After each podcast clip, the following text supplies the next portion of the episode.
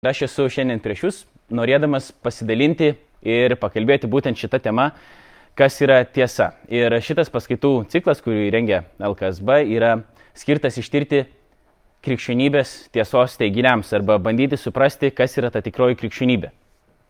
Reikalas yra toks, kodėl mes pradedame nuo tiesos, yra tai, kad jeigu krikščionybė nėra tiesa ir tai, ką krikščionybė sako, nėra tiesa, tai mums iš vis nei rinktis, nei apie tai kalbėti yra absoliučiai nevertinga ir neprasminga.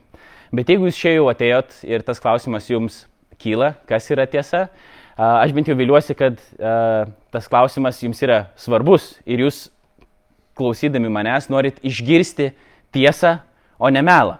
Nes jeigu kažkas iš jūsų dabar norėtų pasakyti, kad tokio dalyko kaip tiesa nėra, tai tada ką mes čia visi veikiam? Aš tą patį klausimą kėliau iš tikrųjų universitete atėjęs į pirmą paskaitą, nors vėlavau mėnesį į magistrantūros studijas, čia ilga istorija, kodėl tai buvo, bet atėjau į pirmą paskaitą ir mes kalbėjom būtent šiek tiek ir apie Nyčią, buvo religijos filosofijos, man atrodo, paskaita. Ir aš paklausiau dėstytojo, sakau, dėstytojo, ar jūs galvojat, ar galima sakyti, kad egzistuoja kažkokia realybė, apie, apie kurią mes galim kažką sužinoti? Ir man pasakė, kad Laurinai, tu mastai labai kategoriškai, tu nori įdėti realybę į kažkokią dėžutę ir tada apie ją, į ją žiūrėti ir bandyti kažką apie ją suprasti. Realybė yra kintanti. Jis nėra kažkoks statiškas dalykas, kaip kad tu įsivaizduoji. Ir tada sakau, gerai, o tada tos filosofinės teorijos, religijos filosofijai, kurios mes dabar mokomės. Vienas žmogus pasakė vieną, kitas žmogus pasakė kitą ir jie gal viens kitam visiškai prieštaravo. Ir jeigu esate susidūrę su filosofija nors kažkiek, žinot, kad filosofijos raidoje taip ir buvo, kad žmonės sakydavo visiškai priešingus dalykus viens kitam. Apie tai, kas jie mane, kad yra realybė, arba net galiausiai kiti ir sako, kad nėra tokio dalyko kaip realybė, kurią mes galėtume suprasti. Ir sakau, tai jeigu turim vieną filosofą, kuris sako vieną dalyką, kitą filosofą, kuris sako visiškai priešingą dalyką, tai ar kuris iš jų kuris nors iš jų yra bent kiek nors arčiau tiesos ir tikros realybės supratimo, ar ne. Ir man buvo duotas toks atsakymas, kad iš tikrųjų tai filosofinės teorijos neturėtų būti mūsų vertinamos kaip teisingesnės ar mažiau teisingos. Tai sakau, tai ką aš čia veikiu?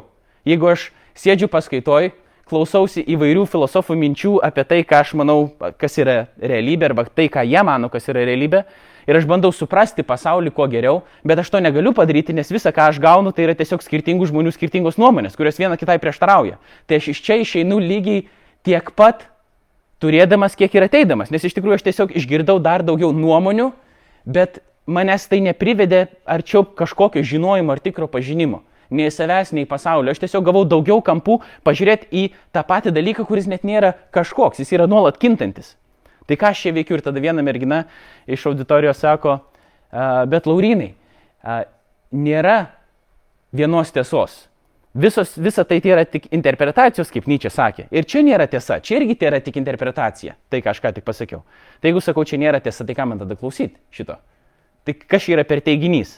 Visa yra tik interpretacijos, nėra vienos tiesos, tai tada aš renkuosi neklausyti šito teiginio, jeigu jis nėra teisingas kam jis man turi rūpėti. Ir tada prasidėjo toks mini ginčas ir e, po to aš daugiau tokių dalykų nebedariau. Nes norėjau mokytis toliau ir bandyti bent jau, sakykim, nesutikdamas su kai kuriuom pozicijom mano kolegų, e, bandyti iš tikrųjų įsiaiškinti, ką sako tie skirtingi filosofai apie tai, kas yra realybė, nes kai kurie iš jų pripažino, kad realybė yra ir kad apie realybę galima kažką sužinoti. Aišku, ne visi dėstytojai arba ne visi studentai mano lygiai taip pat. Ir jūs gal esate girdėję tokį terminą, kuris skamba taip kaip postmodernizmas. Postmodernizmo filosofija, nors jinai nebūtų viena kažkokia postmoderni filosofija, bet postmodernizmas yra paženklintas tuo, kad yra silpnėjančios struktūros. Tai reiškia, kad bandoma atsisakyti įvairių tiesos teiginių, kurios kažkaip įkalina ar, pažiūrėjau, tiesa spaudžia ar tiesa žaloja kitą. Ir iš tikrųjų mes nelabai galim net pažinti tokio dalyko. Ir didelis pasikeitimas įvyko po kanto, kai kantas sakė, kad mes daikto paties savyje negalim pažinti tokio, koks jis yra. Iki jo buvo manoma kitaip, kad galima prisikasti prie tokių dalykų. Ir vienas iš postmodernių mąstytojų šio laikinių yra Gianni Vatimo, toks italas, aš apie jį nieko irgi nežinojau, tikriausiai kaip ir dauguma jūs ar visi, netgi jūs, kadangi reikia domėtis postmodernizmu ir italų filosofija konkrečiai, bet jis Italijoje yra populiarus ir bent jau tose, sakykime, ratuose, kuriuose yra kalbama apie postmodernizmą, tai taip yra. Bet iki tol prieš tai, iki tol nežinau, kol pradėjau studijuoti, bet kai susipažinau ir mums teko perskaityti jo vieną knygą pavadinimu Tikėti, kad tiki. Ir e, ta, tas knygos pavadinimas yra kilęs, um, susijęs bent jau su viena tokia istorija, kai jo paklausė, jis prieš tai buvo katalikas krikščionis, užaugęs uh, Italijoje. Ir jo paklausė kitas krikščionis, bent jau dar tvirtai laikantis savo įsitikinimu, sako, ar tu tiki, Džani, kad Dievas yra? Sako, tikiu, kad tikiu. Kažkaip panašiai. Tai tas pats teiginys arba tas žodžių ta, ta žodžių sąjunga, ne taip tikėti, kad tiki, yra rodanti, kad po truputį yra traukiamasi, ne, negali sakyti griežtai tikiu arba žinau, ne, bet aš tikiu, kad tikiu. Vis silpnėja. Ir Džani Vatimo, jis uh, yra įvedęs tokį terminą kaip silpnasis mąstymas, kuris sako, kad reikia kaip jau minėjau, atsisakytų griežtų tokių struktūrų ir galiausiai viską nuredukuoti, bent jau krikščionybę, į karitas principą. Tai reiškia gailestingos meilės kitam principą. Bet jeigu krikščionybė nori išgyventi, kaip jis sako, reikia atsisakyti dogmų. Reikia atsisakyti dogmą, tai yra tiesos kažkoks teiginys, kuris yra tvirtintas, kad taip tiesiog yra, kaip bažnyčia sakytų. Ir sako, nereikia taip daryti. Ir taip mes galim išgelbėti krikščionybę ir šiaip tiesa yra opresyvi. Vienas iš jo mokinių yra vardu Mauricijo Ferraris, ne tas, kuris uh, automobilį uh, išrado. Ir man teko lankytis jo paskaitoj vienoj. Mm. Jis buvo atvažiavęs į Vilniaus universitetą ir buvo filosofinė konferencija. Ir aš klausiausi jo paskaitos ir kas yra įdomu, kad Mauricijo Ferraris yra dabar vienas didžiausių savo mokytojo, Džani Vatimo priešininkų. Jis nuėjo visiškai kitokia filosofinė kryptimi, parašė naujojo realizmo manifestą ir jis teigia, kad ne, mes tiesos negalim atsisakyti. Ir čia yra nesąmonė. Ir per tą paskaitą, kaip jis pasakė, kritikuodamas ir Džanį Vatimą, sako, jeigu studentas nori studijuoti kokį nors dalyką ir apie jį ką nors suprasti, tai bent jau jam reikėtų manyti, kad tas dalykas egzistuoja. Nes atrodytų, kokia yra nesąmonė bandyti ką nors apie ką nors suprasti, jeigu to dalyko nėra, arba tu negali iš vis nieko, niekaip jo pažinti, jokių būdų. Tai dabar ta tiesa yra komplikuotas dalykas, ypatingai mūsų laikais, kai uh, bandant žmonėm paaiškinti man, kitiems, ką aš veikiu savo gyvenime, vienas iš dalykų, ką aš veikiu, tai yra kalbu tokiom ir panašiom temom, tiek asmeniškai, tiek, tiek žmonių grupėms. Uh, ir aš papasakoju daugmaž, ką aš darau. Ir atsakymą, kurį aš dažniausiai gaunu, būna arba reakcija, net nebūtinai atsakymas, reakcija būna dažniausiai tokia. Svarbiausia, kad tau patinka. Man iš karto tai parodo, kad žmogus neturi žalio supratimo, apie ką aš kalbu.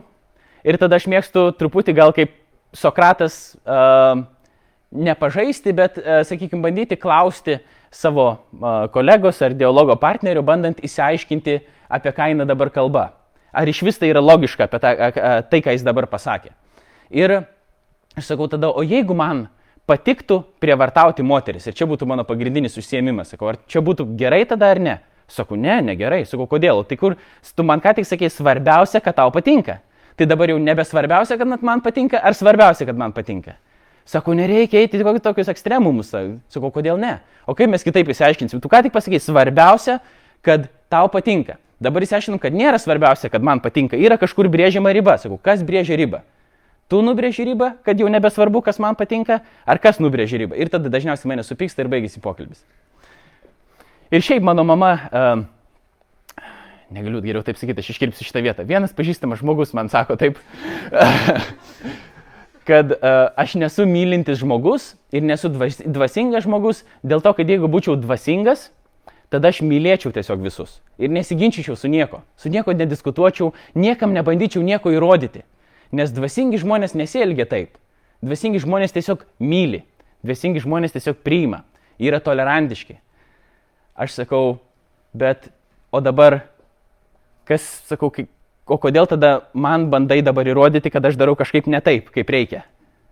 Kodėl tada man dabar įrodinėjai, kad aš turėčiau nesielgti taip, kaip aš dabar elgiuosi? Sakai, nu jo, aš neturėčiau irgi taip daryti. Bet iš tikrųjų, tame mąstyme aš žinau, kad to žmogaus intencija yra labai gera, tinkama. Aš irgi, nu, aš tikrai noriu būti mylintis žmogus, kaip kad Jėzus moko, kaip kad Jėzus kviečia, aš noriu mylėti žmonės, aš noriu būti ne tiek tolerantiškas, aš noriu būti priimantis, bet ar tai dabar reiškia, kad aš turiu sutikti su absoliučiai visais žmonėmis, kad ir ką jie mąstytų? Jeigu kažkokiam žmogui atrodo, kad, kad galima prievartauti mažą vaiką ir po to įmesti į šulinį, ir vienintelis būdas man būti mylimu, jam, mylinčiu jam, tai yra tiesiog sutikti su visko, ką jis daro, tai aš, mes suprantam, kad aš esu tada beprotis, kad su manim kažkas yra negerai. Jeigu aš sakyčiau, kad čia viskas yra tvarkoj. Iš tikrųjų, aš galiu sakyti, su juo yra ne viskas tvarkoj. Jo moralės supratimas, jo mąstymas, jis yra nukrypęs nuo kažkokio, koks jis turi būti. Kad yra kažkokie, ne tiek, kad elgesio šablonai, bet yra toks, mes esam kažkaip padaryti, sukurti, kad mes savyje galim atrasti tokius elgesio ir mąstymo principus, kurie yra arčiau to standarto, kurio mes turėtume ir norėtumėm siekti. Ir jeigu mes esam toliau nuo to standarto, mes žinom, kad tai yra negerai. Bet dabar tas standartas yra bandoma stumti į kažkuria kitą vietą ir yra sakoma, kad tu turi praktiškai sutikti su visais ir negali sakyti niekam, kad jie klysta. Bet kur yra dabar problema? Problema yra tame, kad tas žmogus, kuris taip sako, man nuolat sako, kad aš klystu. Ir kad man sako, negalima taip elgtis, kaip tu elgesi, Laurinai. Tai ką aš noriu parodyti? Kad nuo tiesos pabėgti nelabai išeina. Kad jeigu mes norim iš vis bet kokį prasmingą ar konstruktyvų pokalbį turėti apie bet ką, mes visada teigiam tiesą. Net sakyti, kad nėra tokio dalyko kaip viena tiesa, yra sakyti, kad yra tiesa kad nėra tokio dalyko kaip yra tiesa. Kad yra tiesa. Jeigu pagauna dabar šitą mintį. Nes jeigu tu sakai, kad nėra tokio dalyko kaip tiesa ir tu manai, kad šitas, šitas teiginys yra teisingas, tai tas teiginys yra klaidingas. Tas relativistinis teiginys jis pats save sunaikina. Nes jeigu nėra tokio dalyko kaip tiesa ir tai yra tiesa, nu tai tada nėra vienos tiesos, aš galiu neklausyti šito teiginio. Tai yra, nėra, e, šitas teiginys tiesiog yra klaidingas. Arba aš galiu rinktis jo neklausyti, dėl to, kad jis neteigia jokios tiesos. Jeigu sakytų kažkas, kuris bando įvilgti kažkaip šitą teiginį, sako, ne, ne, aš nesakau, kad tai yra absoliučiai tiesa, ką aš sakau, bet bent jau daugmaž taip reikėtų mąstyti. Tada aš sakau, aš atsisakau taip mąstyti, aš galiu mąstyti kažkaip visiškai kitaip. Tai mes nuo tiesos negalim niekur pabėgti. Dabar kur problema? Uh, kodėl žmonės bando atsisakyti tos vienos tiesos ir uh, tokį kaip vėliavą nešioja šitą žodį pavadinimu tolerancija, kad reikia būti tolerantiškiam vieni kitiem. Iš dalies tai gali būti dėl istorijos, kadangi istorijoje, bandant prievartą paaiškinti, įpiršti ar primesti kažkam tiesą, buvo padaryta žiaurių dalykų. Mes tai žinom iš istorijos. Ir dėl to kai kurie žmonės sako, kad tam, kad tai nepasikartotų, mes turim atsisakyti tiesos. Nes jeigu nieks neteiks, kad žino kažkaip kaip yra, tada nieks nebandys niekam primetinėti, nebus smurto, nebus karų, nebus žudimų, nebus užgauto žmonių emocijos, nebus jausmai užgauti ir visi bus žymiai laimingesni. Tai čia reikia po truputį atsisakyti, atsisakyti, atsisakyti tos tiesos ir kaip būtų gerai, jeigu mes visi būtume tokie tolerantiški. Kur yra problema ir ar tai yra vienintelis arba geriausias būdas spręsti šitą klausimą. Nes mes galim sutikti, kad taip yra negerai, kai tiesos vardan yra žudomi žmonės, arba yra spaudžiami žmonės, arba jiems yra primetama kažkas, primetama, sakykime, agresyviai, netinkamai. Ir aš sakyčiau, kad ne, yra kitų būdų, kaip taip galima padaryti. Tuo labiau, kad, kaip minėjau, tiesos išvengti yra neįmanoma. Ir mes truputį kalbėsim jau šito pranešimo pabaigą apie tai, ką uh, krikščionybė ir konkrečiai, aišku, šventasis raštas, ką kalba apie, apie tiesą. Ir kai krikščionybė supranta tiesą. Bet vienas iš būdų tų tokių paprastų apibrėžimų uh, tiesos yra tai, kad tai yra kad jeigu kažkoks teiginys, kažką aš ką pasakau, atitinka tai, kaip yra realybėje, tai yra teisinga. Pavyzdžiui, jeigu aš sakau, kad uh, Richardo pavardė yra brogys ir mano teiginys yra atitinka realybę, reiškia, jis yra teisingas. Dabar kai kurie žmonės sako, jeigu tu teigi, kad žinai tiesą, tu esi labai arogantiškas. Ir imdami šitą pavyzdį, pavyzdžiui, jeigu aš sakau, kad aš žinau, kad Richardo pavardė yra brogis ir jo pavardė yra brogis, ar aš tampu arogantišku? Akivaizdu, kad ne. Aš tiesiog žinau kažkokį dalyką, kažkokiu būdu atsitinka taip, kad aš žinau tai, kad jo pavardė yra tokia. Tai atitinka realybę, reiškia viskas yra tvarkoje. Aš esu teisus.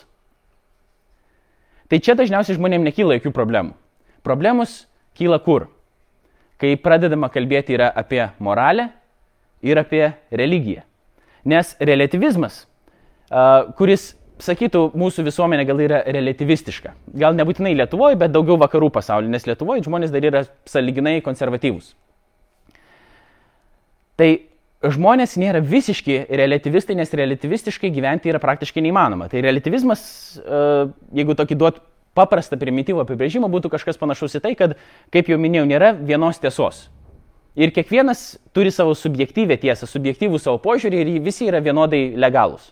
Tai jeigu mes būtum visiškai relativistai, sakytumėm, kad nėra tokio dalyko kaip tiesa, tai tada mes, aišku, net negalėtum nieko prasmingai pasakyti, bet, pavyzdžiui, ir uh, gerdami vaistus, sakykim, kurie turėtų gelbėti mums gyvybę, mes bandytumėm perskaityti, nuo ko yra šitie vaistai ir panašiai, tai būtų kažkoks žmogus, sako, taigi nėra vienos tiesos ir jis įpaima uh, ir tą vaistų užrašą užklijuoja ant žiūrkių nuodų pakelio. Ir mes tada galvodami, kad čia nėra jokio skirtumo, geriam tada žiūrkių nuodus. Mes žinom, kad čia yra nesąmonė. Tai yra tokie dalykai, kad vis tiek yra tas pats žodis, gali kažką pasakyti apie realybę, mes skaitydami gaunam kažkokią informaciją, mes, kaž, mes kažką suprantam ir mes galim atitinkamai elgtis. dažniausiai, dažniausiai čia žmonėm nekyla kažkokių problemų, čia sako, netoks relativizmas. Dažniau žmonės yra relativistai ir pyksta už tokius teiginius, uh, kurie yra susiję su morale ir su religija. Pavyzdžiui, kaip tu gali man sakyti, kad abortas nėra geras dalykas. Arba kaip tu gali man uh, pasakyti, sakykim, kaip krikščionybė gali teikti, ar ne, kad uh, santoka yra uh, vieno vyro ir uh, vienos moters. Taigi čia yra netolerantiškai, čia, čia yra klausimai moralės. Kaip, tu, kaip galima sakyti, kad taip yra netinkama arba neteisinga?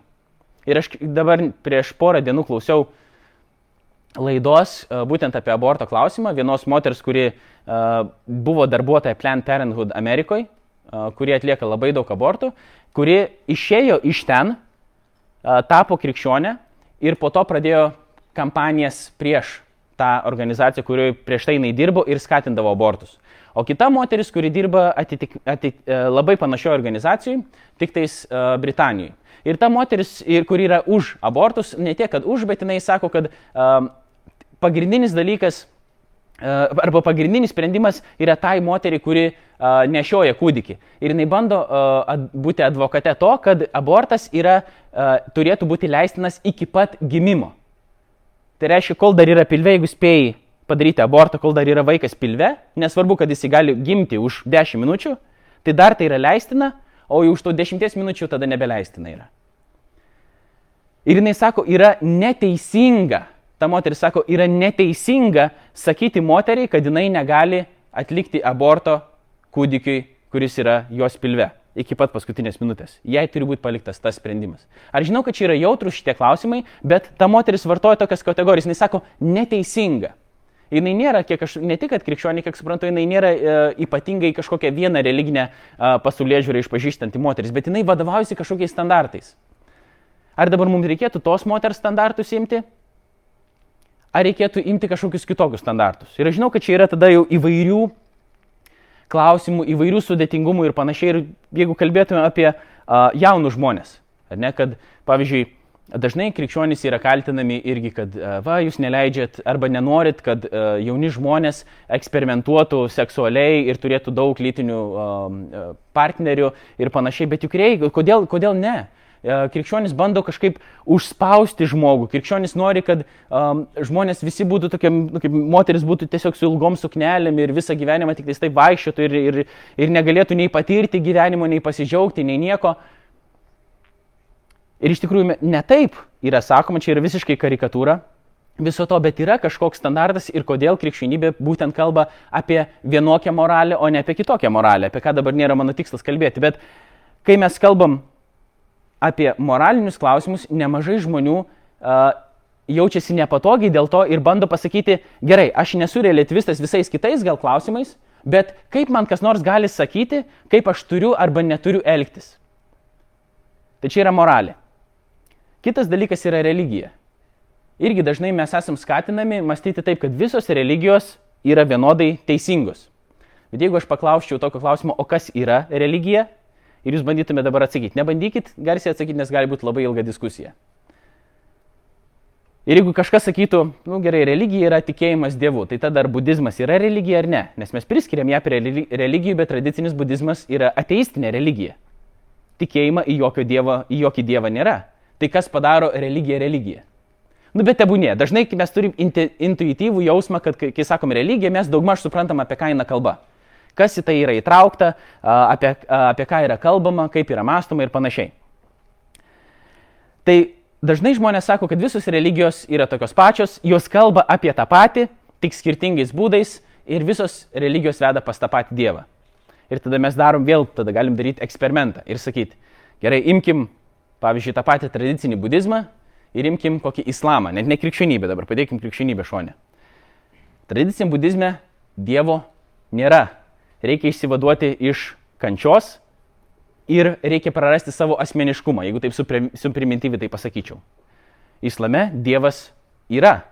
Ir nėra tikslas įsivaduoti vien iš kažkokios kančios ir prarasti savo asmeniškumą, bet tikslas yra padarius pakankamai gerų darbų ir tada kas jau atitinka islame gerą darbą, čia jau yra vėl kitas klausimas.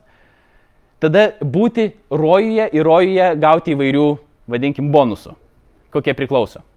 Tai šitos dvi pasaulyje žiūros praktiškai nieko bendro neturi tai kaip jos gali nuvesti pas tą patį Dievą, jeigu budisto tradicinių tikslas net nėra nueiti pas jokį Dievą. Tai dažniausiai žmogus, tas, kuris sako, kad visos religijos veda pas tą patį Dievą, norėdamas būti tolerantiškas ir visus priimantis, net nėra pasidomėjęs jokią religiją ar jokią pasaulyje žiūrą. Ir dažniausiai galvoja, kad taip yra. Ir kaip Ravi Zakarajas, vienas iš apologetų, yra pasakęs, kad iš tikrųjų tai religijos nėra visos beveik, tokio, e, beveik tokios pačios ir tik skiriasi periferijai truputį. Iš tikrųjų, religijos skiriasi savo esme ir tik periferiškai yra panašios. Vienas iš esminių krikščionybės teiginių yra tai, kad Jėzus Kristus yra įsikūnijęs Dievas, jis atėjo į šitą pasaulį, numirė ant kryžiaus už žmonių nuodėmės ir prisikėlė šlovė ir kas tik Jėzų Kristų gali būti išgelbėti ir turėti amžiną gyvenimą.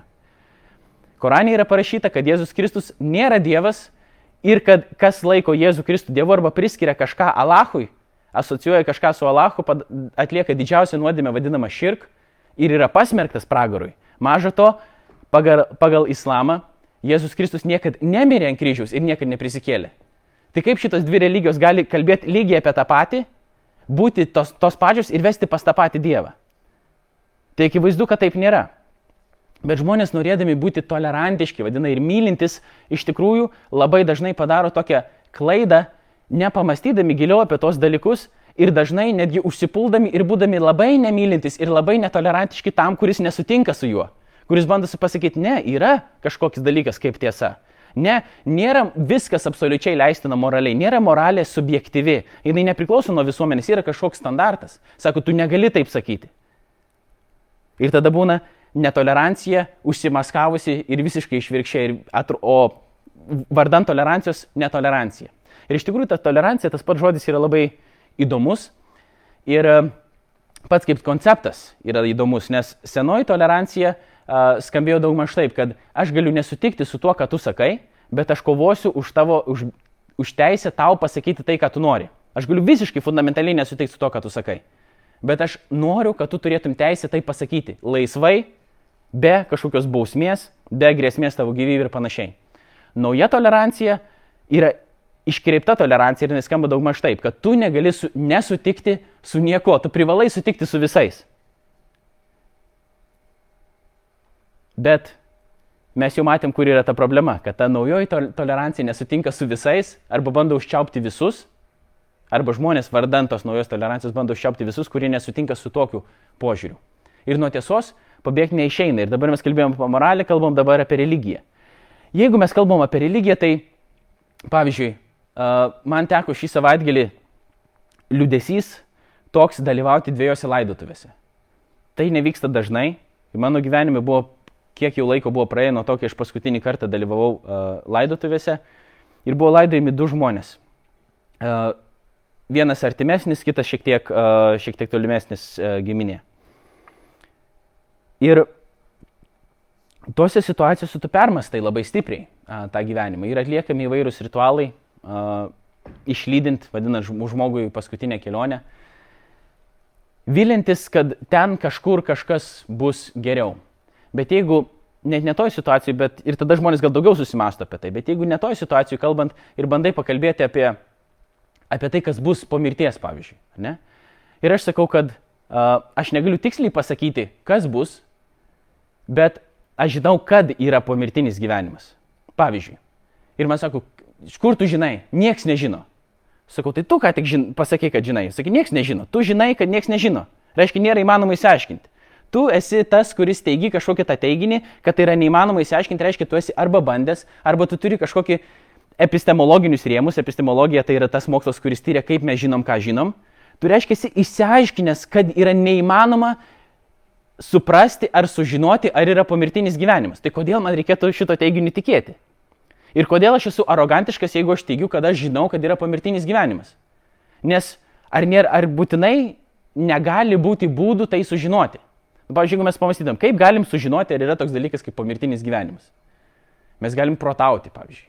Mes galim bandyti mąstyti, nes buvo tokie filosofai, racionalistai, kurie laikėsi tokios skripties, kurie sakė daug maž taip, kad mes negalim pasitikėti savo pojūčiais, bet mes galim išmastyti labai daug dalykų.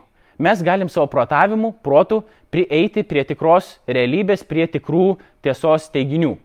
Ir taip galima prieiti ir, sakė jie, Dievo egzistavimą, kažkokios tokios būties transcendentinės, sielos buvimą. Siela yra kažkas tokio, kas nenumiršta, nes mūsų kūnas miršta, siela egzistuoja toliau. Empirikai vėliau atėjo, sakė, mes negalim pasitikėti savo protu, mes galim pasitikėti tik tai savo pojūčiais.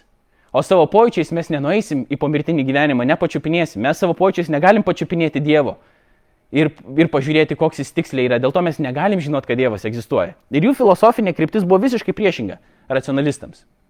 Bet jeigu mes paprasti žmogeliai, ne filosofai, kažką norėdami pasakyti, kad mes žinom, kad kažką mes suprantam, kaip mes suprantam dalykus apie pasaulį, kažkokius, kokius nors. Pavyzdžiui, aš jūsų paklausiau savo tradicinio tokio klausimo, kurį beveik visose renginiuose klausiu, tai yra, ir dabar jau šiek tiek interaktyviau mes tai pabandysim padaryti. Kiek iš jūsų galvojat, kiek iš jūsų tikit, gal geriau tai pradėkim, kad yra tokia vieta kaip Aliaska? Pakelkite rankas. Patrikas visą laiką turi savo atsakymą. Kiek dabar iš jūsų sakytumėt, kad žinot, kad yra tokia vieta kaip Aliaska? Ne tik, kad žinot. Tik vienas žmogus galvoja, kad žino, visi kiti dabar jau bijo kažką pasakyti, yra daugiau žmonių. Gerai, tai iš jūsų atsakymų, arba jūs esate tada nedrasus, arba iš jūsų atsakymų galima manyti, kad laikytume tikėjimas reikalauja mažiau pagrindimo negu žinojimas. Kad tu žinotum, tai tu turi kažkaip turėti daugiau kažkokių duomenų, tada gali, gali sakyti, kad aš žinau. Pavyzdžiui, jūs žinot, kad jūs esate ar ne? Čia yra rimtas filosofinis klausimas. Tai aš dabar bandau, bandau dabar ir išsiaiškinti per šitas dalykus. Na. Nes ar mes turime omeny, kad kai aš sakau žinau, ar aš turiu šimtaprocentinį užtikrintumą, bet kuo. Ir aš galiu pasakyti, kad šimtaprocentinio užtikrintumo beveik niekur nėra. Procent, net šimtų procentų aš negalėčiau jums įrodyti, kad aš egzistuoju. Jūs galėtumėt gal šimtų procentų manyti, kad jūs esat, nes remiantis, pavyzdžiui, Dekartų, kuris sakė, gerai, aš noriu suprasti dabar, ką galima sužinoti tikrai, vat, kad kažkaip yra. Jis sako, aš suabejosiu viskuo. Jis pradėjo abejoti viskuo, kol galiausiai priejo uh, prie tokios situacijos, kai sakė, aš negaliu, aš, abeju, aš abejoju. Reiškia, yra tas kažkoks aš, kuris abejoja. Jis sako, mastau vadinasi esu.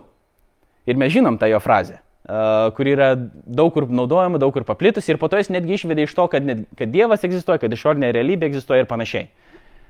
Bet jis sakė, vienintelis dalykas, ką aš galiu tikrai žinoti, yra tai, kad aš esu, nes kitaip kas tas, tas aš, kuris abejoja. Nereikia galbūt tokiem hiperskeptikam, kaip Dekartas, nes tada mes praktiškai nieko negalėtum pasakyti, kad mes žinom. Nes mes sakom daug dalykų, kad mes žinom. Pavyzdžiui, aš žinau, kad aš turiu žmoną, žinau, kad Richardo pavardė yra brogys, bet jeigu man ateitų kažkoks hiperskeptikas ir sakytų, o iš kur tu žinai, kad Richardas iš vis egzistuoja? Tada aš jam atsakyčiau taip, o iš kur žinau, kad tu egzistuoji ir tu klausi mane šito klausimo. Ir per tą hiperskepticizmą galima neprieiti iš vis prie jokių išvadų tada. Tai bet mes, sakau, būdami paprasti žmogeliai, norėdami pasakyti, kad mes kai kurios dalykus žinom, kad žinom, kad yra tokia vieta kaip Aleska, pavyzdžiui, tai kas dabar, kaip atsiranda tas mūsų žinojimas? Kokiais būdais tai gali vykti? Aš dabar jau jūsų klausiu, kaip, jeigu manot, kad yra įmanoma sužinoti, kad yra tokia vieta kaip Aleska, kaip tai būtų įmanoma sužinoti? Sakykit garsiai. Nuvykti, vienas dalykas yra nuvykti. Gerai, nuvykimas yra susijęs su mano pojūčiais. Reiškia, aš nuvykstu ten, į tą vietą, kuri yra vadinama Aleska. Dabar kaip aš sužinau, kad ta vieta, kur aš nuvykau, yra Aleska? Gerai, pasižiūriu į Google Maps. Tuo metu, kai esu ten įsijungiu, rodo location. Google Maps, gerai, jeigu aš neturiu telefono, kaip aš sužinau, kad ta vieta yra Aleska, ar aš negaliu žinoti kitaip. Paklausti žmonių kitą aplinkui, ar čia yra Aleska, gerbiami žmonės, tada jie bando atsakyti. Jums kaip dar galima sužinoti? Iš aplinkos. Iš aplinkos, kaip pavyzdžiui, kas kaip, yra kalnų, kalnų, sniego yra, panašiai. Gerai, turime kelis būdus, kai mes bandom susigaudyti. Mums atrodo, kad čia nesąmonė, ką tu klausi, Laurinai, mes, mes viską žinom.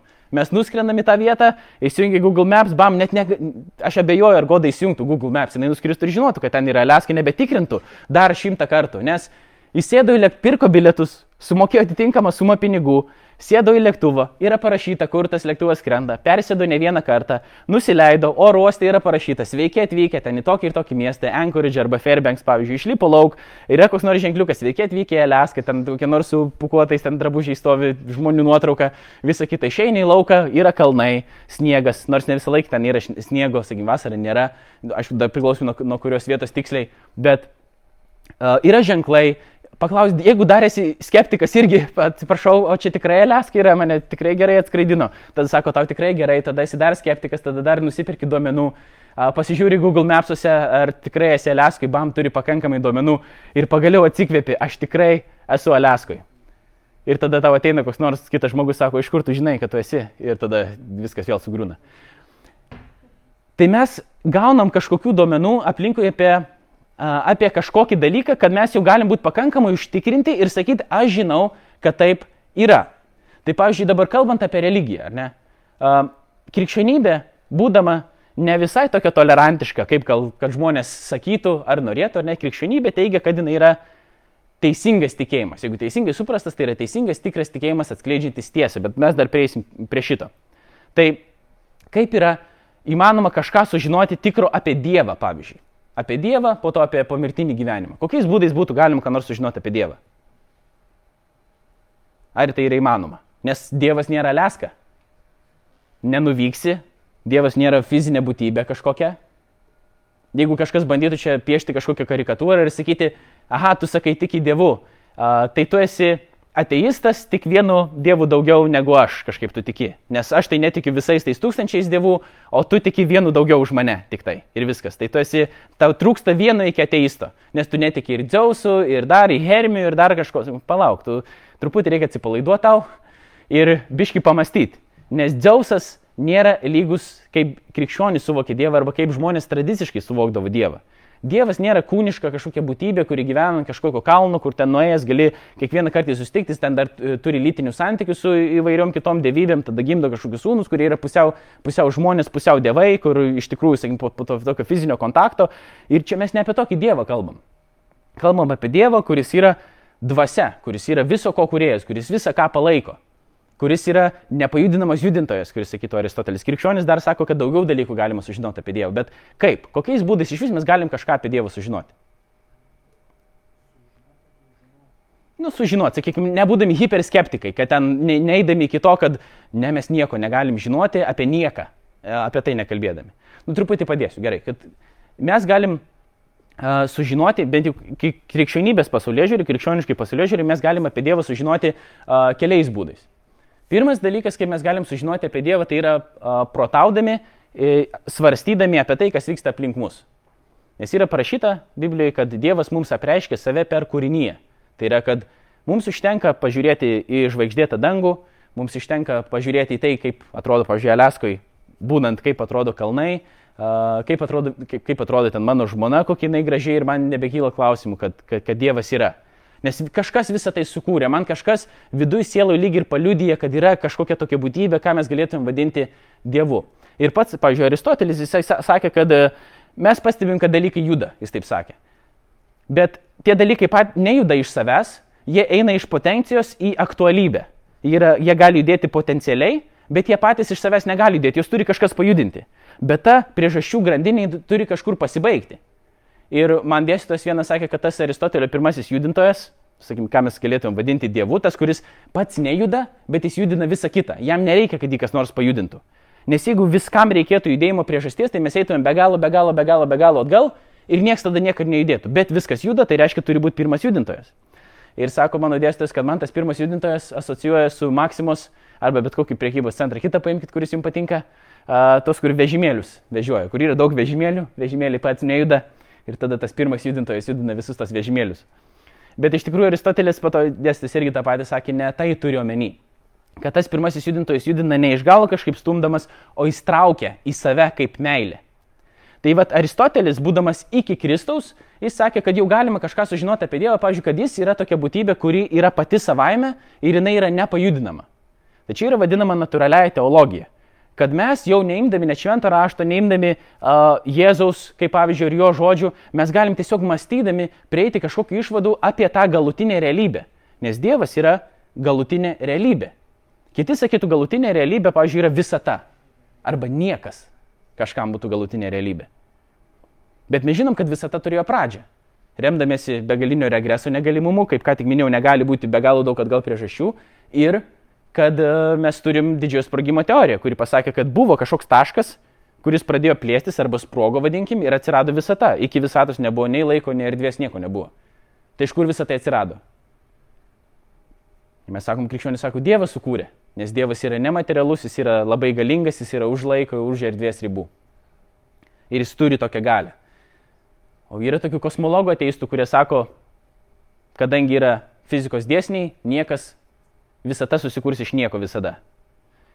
Bet, kaip sako Jonas Lennoxas, matematikas, sako, net jeigu kosmologas pasako tokią nesąmonę, tai, tai yra nesąmonė. Sako, tai yra nesąmonė, net jeigu kosmologas tai pasako.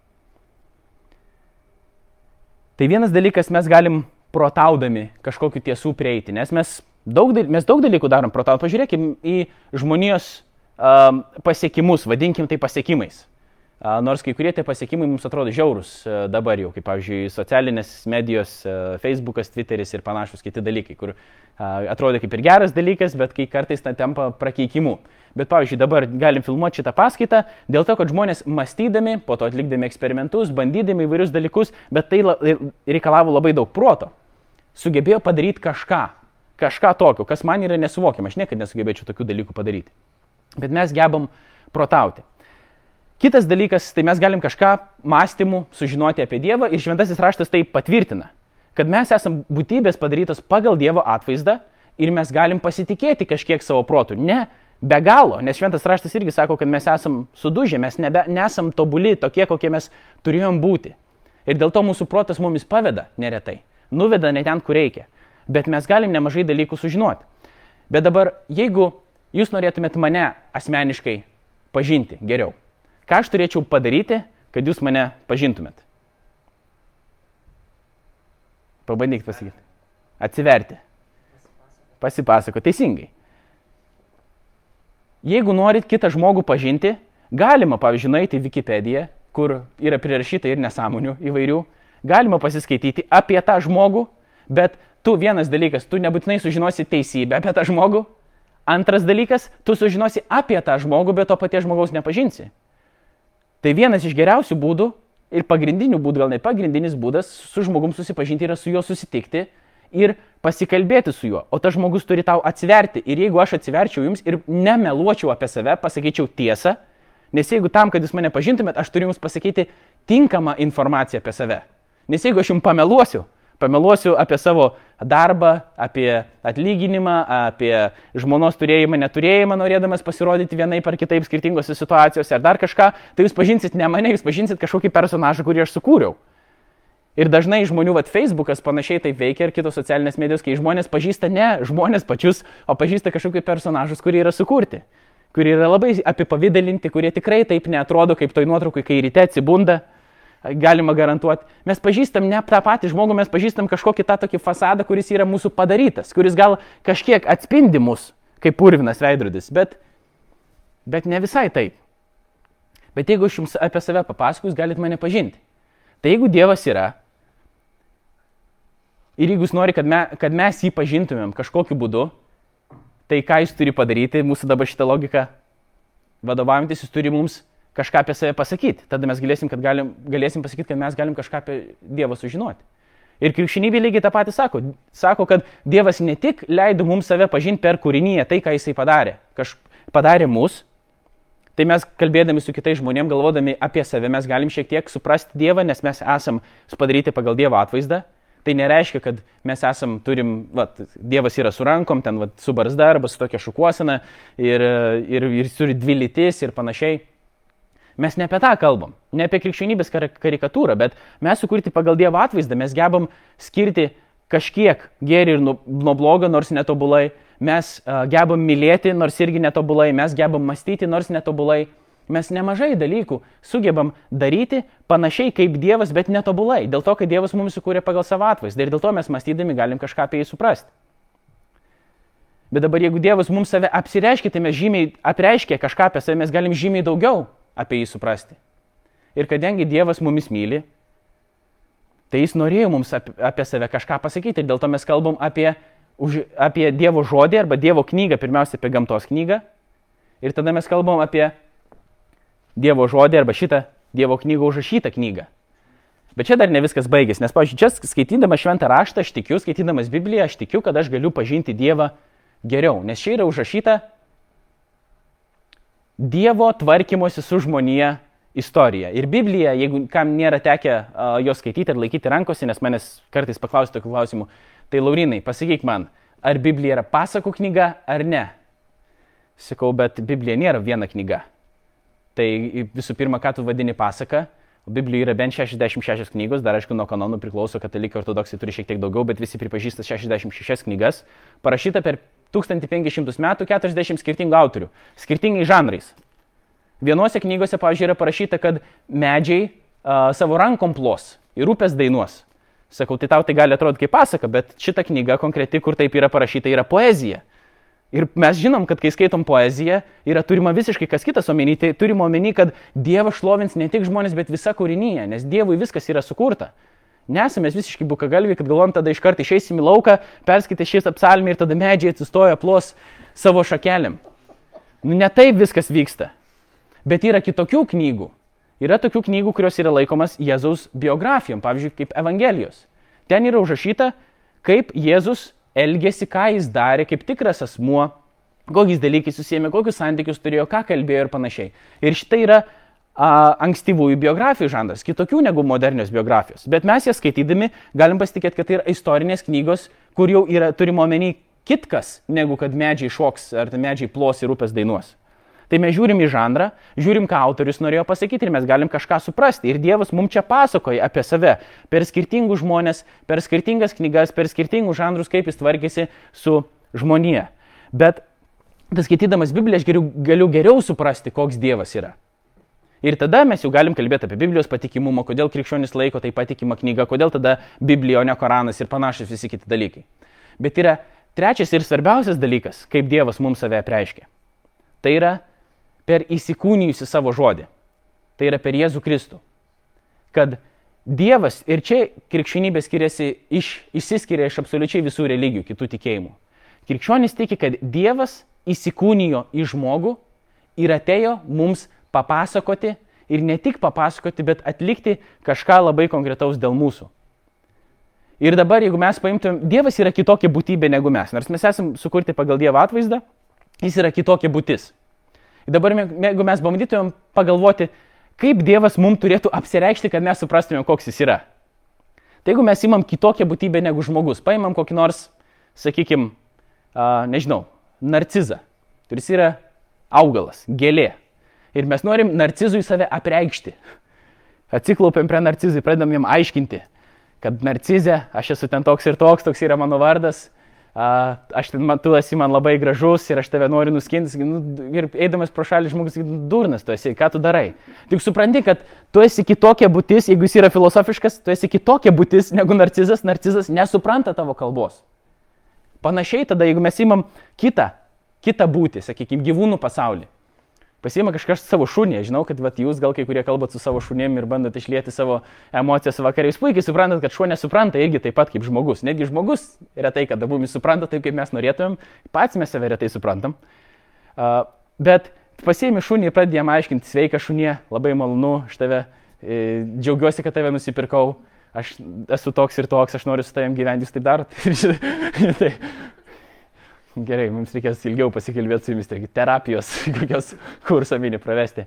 Mes suprantam, kad yra nesąmonė, šuo yra kitokia būtis, mes negalim taip apie save papasakoti, mes galim kažkokiais būdais, mes nežinom, kiek šuo supranta, bet mes žinom, kad supranta kitaip negu žmogus, jisai negali reflektuoti, pavyzdžiui, nu, atsisėdęs į kampą vakare, mmm, kažin, kas mane sukūrė, kas aš toks esu. Ta prasme, man reikėtų gal pasidaryti Facebook'o profilį ir dar kažką ten, kad nu, šuo nereflektuoja apie save.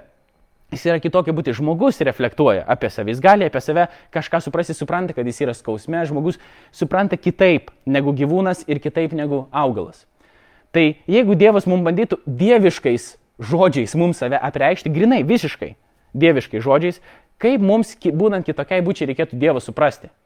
Tai Dievas turi mums save apreikšti ne dėl to, kad jis privalo tai padaryti, bet mūsų mylėdamas ir žinodamas, kad mes geriausiai suprasim ne tai, kaip jis paims ir savo būdu tai apreikšti, nes Dievo komunikacija tai yra kitokia. Jis yra parašyta, kad mano mintis yra ne jūsų mintis irgi. Mes negalim pilnai suprasti Dievo minčių taip, kaip jis galvoja, taip, kaip jis mąsto. Nereiškia, mes nieko negalim suprasti, bet pilnai mes negalim suprasti. Dėl to Dievas davė šventą raštą, kad mes skaitydami galim kažką suprasti. Ir svarbiausia, jis atėjo pats įsikūnijas, prisėmęs žmogaus pavydalą tam, kad mes galėtumėm jį matyti žmoguje ir suprasti, nes Jėzus daug dalykų apie save sakė ir mums save apreiškė, tai reiškia Dievas mums apreiškė, savais pasakė, aš esu tiesa kelias ir gyvenimas. Ir jeigu Jėzus Kristus yra Dievas, tai tada jis ir yra tiesa, jis ir yra kelias ir jis yra gyvenimas, o jeigu Jėzus Kristus nėra Dievas, tai jis yra melagis arba pamišėlis, kaip visi Liusas sakytų, arba nu, jis yra tragikomedija kažkokia, yra, yra apgavęs nežinau kiek kartų pasaulio jau, jeigu jis nėra Dievas ir dar netolerantiškas baisiai. Kaip jis gali sakyti, kad aš esu tiesa kelias ir gyvenimas? Ne štai yra tiesa kelias ir gyvenimas, o aš. Ir Sės Liujus sako, mes turim daryti pasirinkimą. Jis nėra geras moralės mokytojas. Tada, jeigu jis nėra Dievas, nes jis tada mums melavo, arba jis yra pamišėlis, tai irgi jis nėra geras moralės mokytojas. Jeigu jis pats nesupratęs galvoja, kad yra Dievas. Mes tokius, kurie galvoja, kad yra dievai, turim patalpų, kuriuose jie savo ramiai gyvena praleidžia kurį laiką, turi pavartoti kai kurių preparatų. Mes žinom, kad tai nėra normalus teiginys. Bet Jėzus Kristus dabar tai sakė. Ir krikščionys tiki, kad Jėzus Kristus yra įsikūnijęs Dievas, kuris ne tik atėjo papasakot mums apie save ir pasakyti dalykų žodžiu, bet atlikti kažkokio darbo, kuris yra labai svarbus ir kuris turi amžinų implikacijų arba um, kažkokiu rezultatu, kurie veda į amžinybę. Ir tas pagrindinis dalykas, dėl ko Jėzus Kristus atėjo, tai yra apreikšti mums save ir po to parodyti, kaip reikia gyventi ir numirti už mūsų nuodėmes. Jėzus Kristus numirė ant kryžiaus, bet ant kryžiaus neliko ir prisikėlė trečią dieną, parodydamas, kad tai, ką jisai darė, yra teisybė, nes kiekvieną dieną žmonės nesikelia. Krikščionis nėra visiškai bukagalviai, kad tiki bet kuo, kas yra pasakyta. Jeigu man dabar pasakytų, kad žmogus prisikėlė už kokių 2000 km kažkokio kitoje vietoje, aš nepulčiau tuo patikėti, nes aš žinau, kad ne kiekvieną dieną žmonės prisikėlė iš numirusių. Aš tikiu, kad Jėzus Kristus prisikėlė dėl to, kad yra būdų tai patikrinti istoriškai ir Bet pirminis dalykas, kaip aš tai sužinojau, yra tai, kad Dievas norėdamas ir mylėdamas kiekvieną ir norėdamas kiekvienam apsireikšti, jis tai paliudijo man širdie. Per... Tai yra ilga istorija, bet tai įvyko. Aš turėjau kažkokią asmeninę patirtį, kai Dievas atėjo ir padarė kažką manyje, kai aš pradėjau tikėti, prieš tai netikėjęs, kad Jėzus Kristus net egzistavo kaip istorinė asmenybė. Kitą dieną aš jau tikėjau, kad jis mirė už mano nuodėmės, kad jis yra tikras Dievas ir tikrai buvo ir buvau pasiryžęs jam gyventi. Ir dėl to darau tokius keistus dalykus, kaip dabar, kad darau. Bet jeigu, pavyzdžiui, aš suprantu, kad tai gali kai kam atrodyti keistai, Jis sakyt, kodėl aš turiu tikėti dabar tavo, nu gerai, čia tavo, tau taip atsitiko, gal tau susišvieti biški, tau matos taip iš tavo e, kelnių, kad tu toks keistas esi truputį, tai gal nereikia tavim pasitikėti, tai o kaip galėtum patikrinti šitos teiginius? Ir aš tą patį susakęs mormonams, su kuriais mes diskutuodom. Jeigu esat matę, yra tokie vyrukai, kurie visą laiką vaikšto su kostiumais, kuriem yra apie 19 metų, čia turi kortelę tokia užsi, užsiklijavę. Ir kai kurie, jie mano yra draugai ir jie man bando įrodyti, kad jie yra krikščionys. Ir aš jiems bandau įrodyti, tai nėra labai sudėtinga, bet kad jie nėra krikščionys iš tikrųjų. Bet ne dėl to, kad aš esu nemylintis ir piktas žmogus, bet dėl to, kad mes vadinkim daiktus tikraisiais vardais. Tai arba jūs turite tikrąją krikščionybę, arba neturit. Ir viskas, nes politeizmas nėra krikščionybė. Trumpai tariant taip. Bet mes kalbam su jais ir sakau, o kaip jūs žinote tada, kad mormonizmas yra teisingas? Jie sako, va, Laurinai, imk mormono knygą, paskaityk, pasimelsk, paklausk Dievo, ar tai yra tiesa ir tau Dievas duos užtikrintumą. Sakau, tai jūs taip tapot mormonas. Jo, aš melžiausi, kai kurie meldėsi vieną kartą, kai kurie ne vieną kartą melžiasi ir tada pajunta kažkokį e, kaip degimą pilve, kuris patvirtina jiems, kad mormonizmas yra tiesa. Sakau, gerai, aš turiu liūdimą. Aš turiu liūdimą, kai mano gyvenimas buvo visiškai vienoks, aš, kad Dievas apsireiškė man, kad Dievas priejo kažkaip prie manęs, aš skaičiau šventą raštą, ta žodis man tapo gyvas, aš patikėjau Jėzum Kristum, nieko aplinkui kitų žmonių nebuvo. Sakau, aš irgi turiu liūdimą, kodėl dabar jūsų liūdimas yra geresnis. Ir mes turim du liūdimus, aš negaliu jūsų kvestionuoti liūdimo, ar ne tada, bet mes turime apie skirtingus dalykus, skirtingus liūdimus, apie skirtingas patirtis. Kaip dabar mums žinoti, sakau, kuris yra iš jų teisingas? Sakau, duokit man kokį nors būdų, kaip aš galėčiau patikrinti mormonišką tikėjimą kitaip negu per tokį jausminę patirtį. Iki šios dienos ne, negavau jokio būdo. O krikščionybę aš galiu pasakyti, kaip galima patikrinti. Vienas iš tų dalykų taip yra ta asmeninė patirtis, kuri yra kitokia, nedegantis uh, kažkoks skrandyje jausmas ar ugnis, bet yra tikras užtikrintumas, kad Jėzus Kristus buvo yra Dievas, aš atėjau šitą žemę, numiriau už mano nuodėmės, kad mano kaltė yra atleista, kad aš galėsiu matyti Dievo veidas į veidą, kai aš numirsiu, kad aš turiu amžiną gyvenimą ne dėl savo kažkokio gerumo, ne dėl to, kad aš esu geras žmogus, aš, nes aš negaliu užsidirbti amžino gyvenimo, bet dėl to, kad Dievas man atleido ir tai mane išlaisvina gyventi taip, kaip Jėzus mokė. Visiškai kita, kitokia gyvenimo perspektyva. Bet tada man kyla klausimų, ne, kai ta patirtis kažkiek praeina ir mane žmonės klausia, bet panašus į jūs, universiteto konkrečiai kontekste, o tada gerai, bet o tai kodėl reikia manyti, kad Biblija yra patikima? O kodėl reikia man galvoti, kad Dievas yra? Nes aš gerai, tu turi tą patirtį, bet aš tai tos patirties neturiu. Ir aš turiu kažkaip parodyti jam. Tai vat krikščionybė uh, turi tų įrankių. Gal ir mormonizmas turi, bet jie man sakau dar kol kas nepristatė. Krikščionybė turi tų įrankių kaip gali parodyti, kaip mes galim patikrinti, kad krikščionybė yra tiesa, nes dabar galiausiai mes prieinam prie tokio dalyko, kuris yra vadinamas pasaulyje žiūra. Kiekvienas iš jūsų, visi mes turim kažkokią pasaulyje žiūrą, kaip mes matom pasaulį. Tai primityviai kalbant, irgi tai yra tokie kaip uh, lešiai, per kuriuos mes matom pasaulį ir jį filtruojam. Bandom kažkaip suprasti. Ir kiekviena pasaulyje žiūra, pagal Ravi Zakarajas, tokį irgi apologetą, turi atsakyti uh, į keturis fundamentalius klausimus gyvenimo. Ir jūs esat bandę juos tikrai atsakinėti vienokiu ir kitokiu būdu. Aš dar pridėsiu penktą klausimą, į kurį reikia atsakyti. Tai pradėsiu nuo to savo. Tapatybės. Kas aš esu? Jeigu aš dabar jūsų paklausčiau klausimo, kas tu esi? Man pasakytum savo vardą, pavyzdžiui, Richardas sakytų, aš esu Richardas, sakyčiau, nu, gerai. O kas yra Richardas? Richardas sakytų, aš esu žmogus. Gerai, kas yra žmogus? Čia prasideda įdomiau jau šiek tiek. Ir tada vienas mano pažįstamas Facebook'e labai labai uh, su džiaugsmu, jis yra teistas, su džiaugsmu užsidėjo tokį, uh, kaip sakyti, pa, pa, pas, pasigirimu, pasidžiaugimu, uh, tokią kaip nuotrauką vieno uh, komedianto Ricky Gervais. Tai yra ne nuotrauka, bet piešinukas, kurio Ricky Gervaisas pasidalino, tada jis pasidalino, kad yra toks kaip medis, kur e, yra viena bežionė vienokios rušies, kita bežionė kitokios rušies, tada žmogus ir tada dar dvi kitokios bežionės išeina iš to medžio. Ir, jis, e, ir Ricky Gervaisas sako, kad mes nesam beždžionių, įsivystę iš beždžionių, mes esam beždžionės. Čia reikėtų labai džiaugtis baisiai dabar. Pagal jį būtų, kad žmogus tai yra, ar ne? Čia mes dabar neiname visą evoliucijos, ne evoliucijos debatus, nes krikščionių ratose irgi yra tų, kurie sakytų, kad evoliucija, Dievas sukūrė per evoliuciją, kurią jis pats tvarkė ir valdė ir po to davė žmogui sielą, kiti sakytų, ne, nebuvo tokio mechanizmo kaip evoliucija, Dievas sukūrė iškart, Tai čia krikščionims nėra tokia problema, čia nereikia dėl to pergyventi, mes dabar ne apie tai kalbam. Bet tas žmogus sako daugmaž taip, kad jis yra beždžionė. Ir aš taip norėjau parašyti paustą, komentarą ten šalia. Bet uh, susilaikiau, bet čia nesusilaikysiu. Nepasakyti, tai vaiką tu man panašus esi. Aišku, taip nėra, bet tai yra, tai yra visiškai netiesa. Aš negalvoju, kad tas žmogus yra beždžionė, aš apie jį galvoju žymiai geriau negu jis pats galvoja.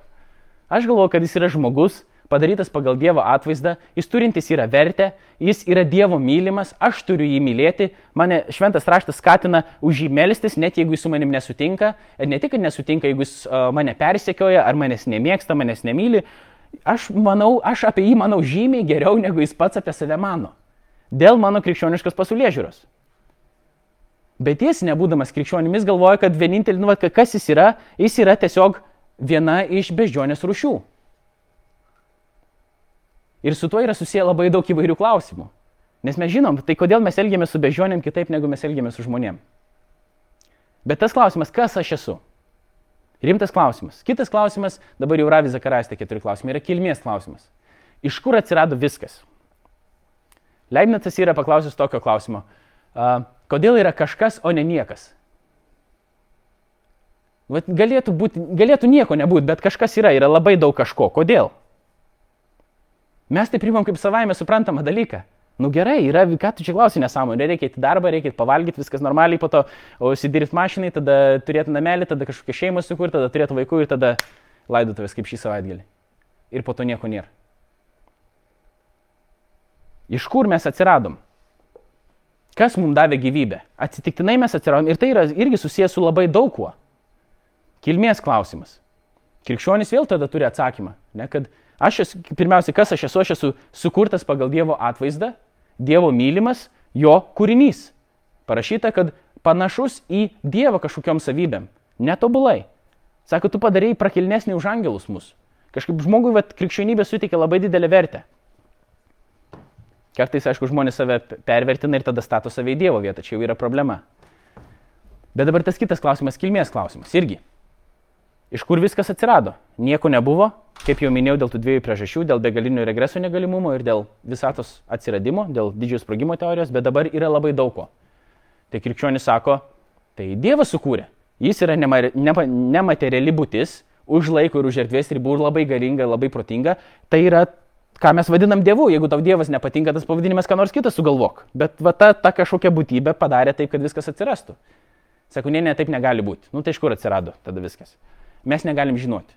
Kodėl mes negalim žinoti? Kodėl taip manai? Dėl to, kad nėra apie, apie tokius dalykus, kurie yra nematerialūs, mes nieko negalim žinoti. Bet čia yra filosofinė pozicija, ne visi taip galvoja.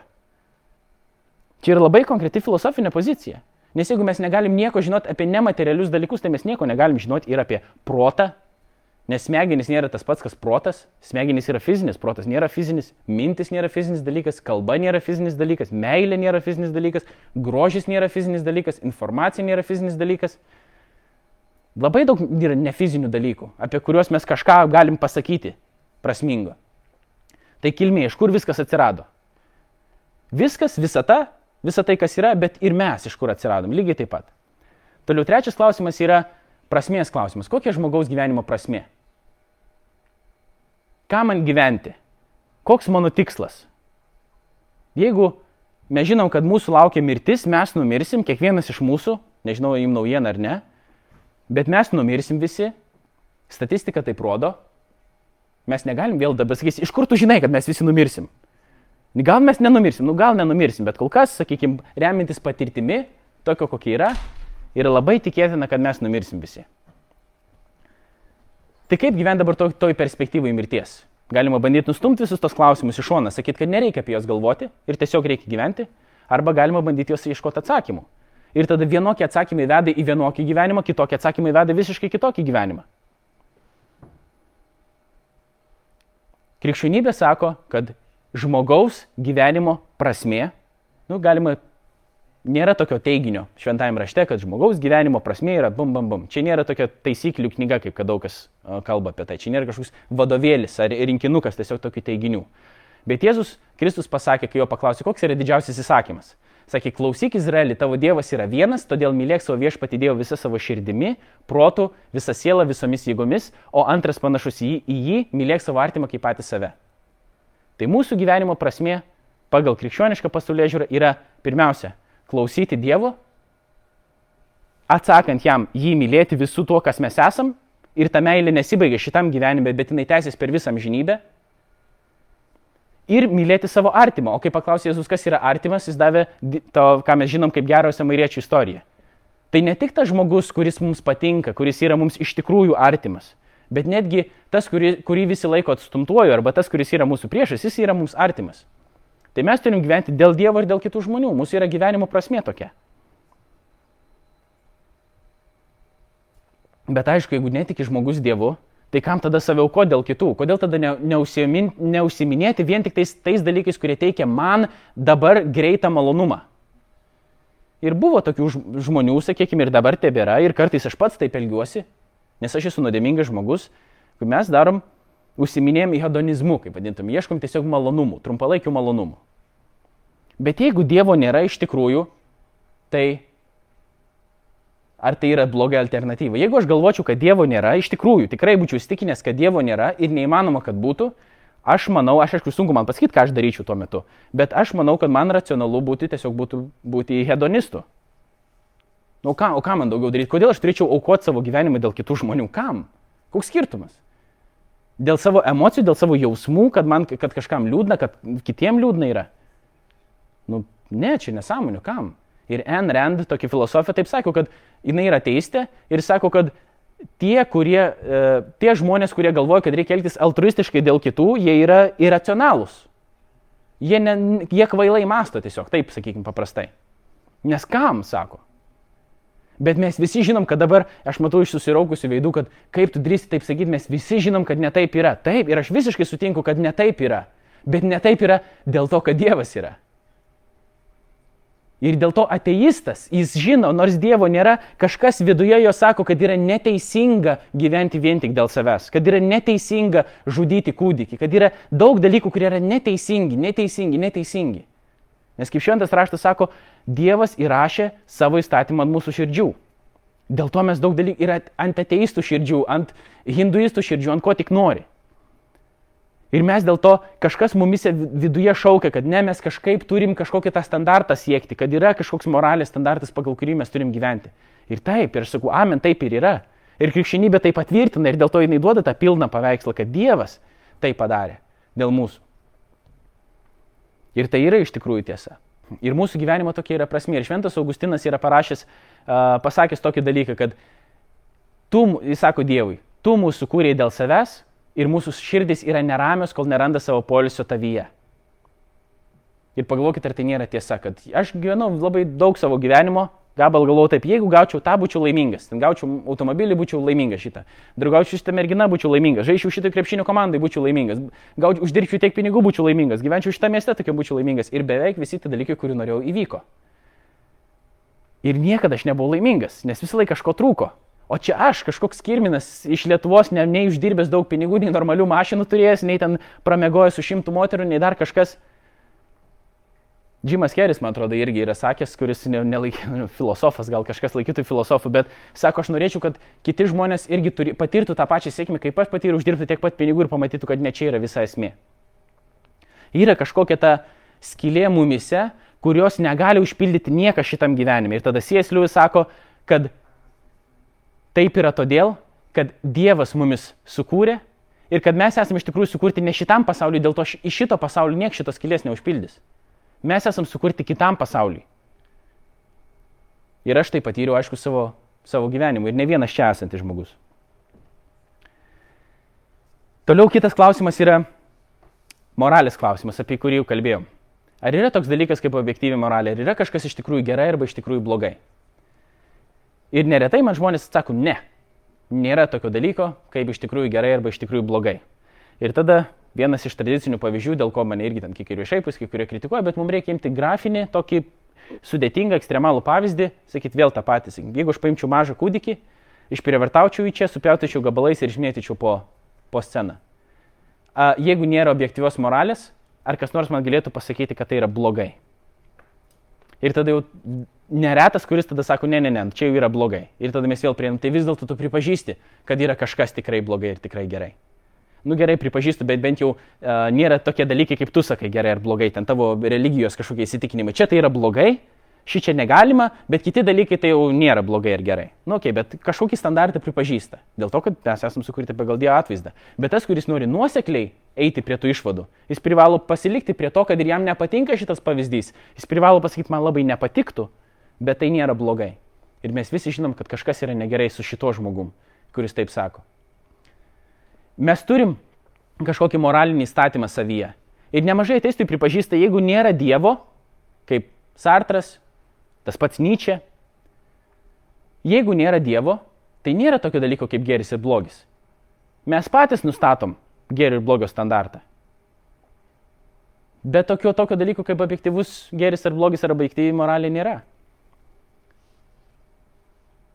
Bet dauguma iš mūsų pripažįsta, kad yra toks dalykas kaip objektyvi moralė, bet jeigu objektyvi moralė yra, reiškia, egzistuoja ir kažkoks standartas. Tas standartas yra virš mūsų, mes tą standartą vadinam Dievu, kad Dieve yra šaknytas standartas moralės. Ir krikščionybė vėl tai patvirtina. Ir paskutinis iš tų klausimų, nors jų galėtų būti daugiau, tai yra likimo klausimas. Tai yra, kas atsitinka su mumis, kai mes numirštam. Ar mes esam vien tik mūsų kūnas, ar mes esam kažkas daugiau. Kaip tas pats mano jau cituotas, yra pasakęs, kad mes nesam kūnai, kurie turi sielą, bet mes esam sielos, kurios turi kūną. Čia galėtų būti problemų šiek tiek su šitą citatą, jeigu ten žiūrėtumėm labai jau grubiai, ne grubiai, bet giliai lystumėm filosofiškai. Bet iš esmės, ar yra kažkas daugiau negu mano fizinis kūnas? Ar aš esu tik tiek, kiek jūs čia dabar matot? Nu, dar vidiniai organai visi. Ir būdamas, sakykime, toj mirties, akivaizdu, būdamas laidotuvės, aš mastau apie tą klausimą. Ir aš galvoju, dabar šitas žmogus, kuris čia yra, jam jau į... nebeveikia jokia funkcija absoliučiai jo kūne. Mes vadinam šitą situaciją mirtimi. Ar tas žmogus dar kažkur yra kažkokiu būdu, ar tai yra tai, ką aš dabar matau, čia ir yra visas tas žmogus. Ir mes visi žinom, kad yra kažkokia problematika, jeigu mes laikom vien tik mėsas žmogumi. Nes reiškia, jeigu aš sveriu 10 kg daugiau negu dabar, reiškia, manęs yra 10 kg daugiau. Jeigu man, man pašalina vieną inkstą, inkstą galima pašalinti? Inkstą, aš bijau, čia yra medikė, tai reikia paklausti. Jeigu pašalina man vieną inkstą, tai aš jau esu nebepilnas žmogus, man inksto trūksta. Jeigu aš neturiu dviejų rankų ir dviejų kojų, nes yra tokių žmonių, tai tada aš esu nebepilnas žmogus. Sako, tu esi tai, ką valgai. Tai jeigu tu valgai McDonald'e, tai kas esi McDonald's? Burgeris?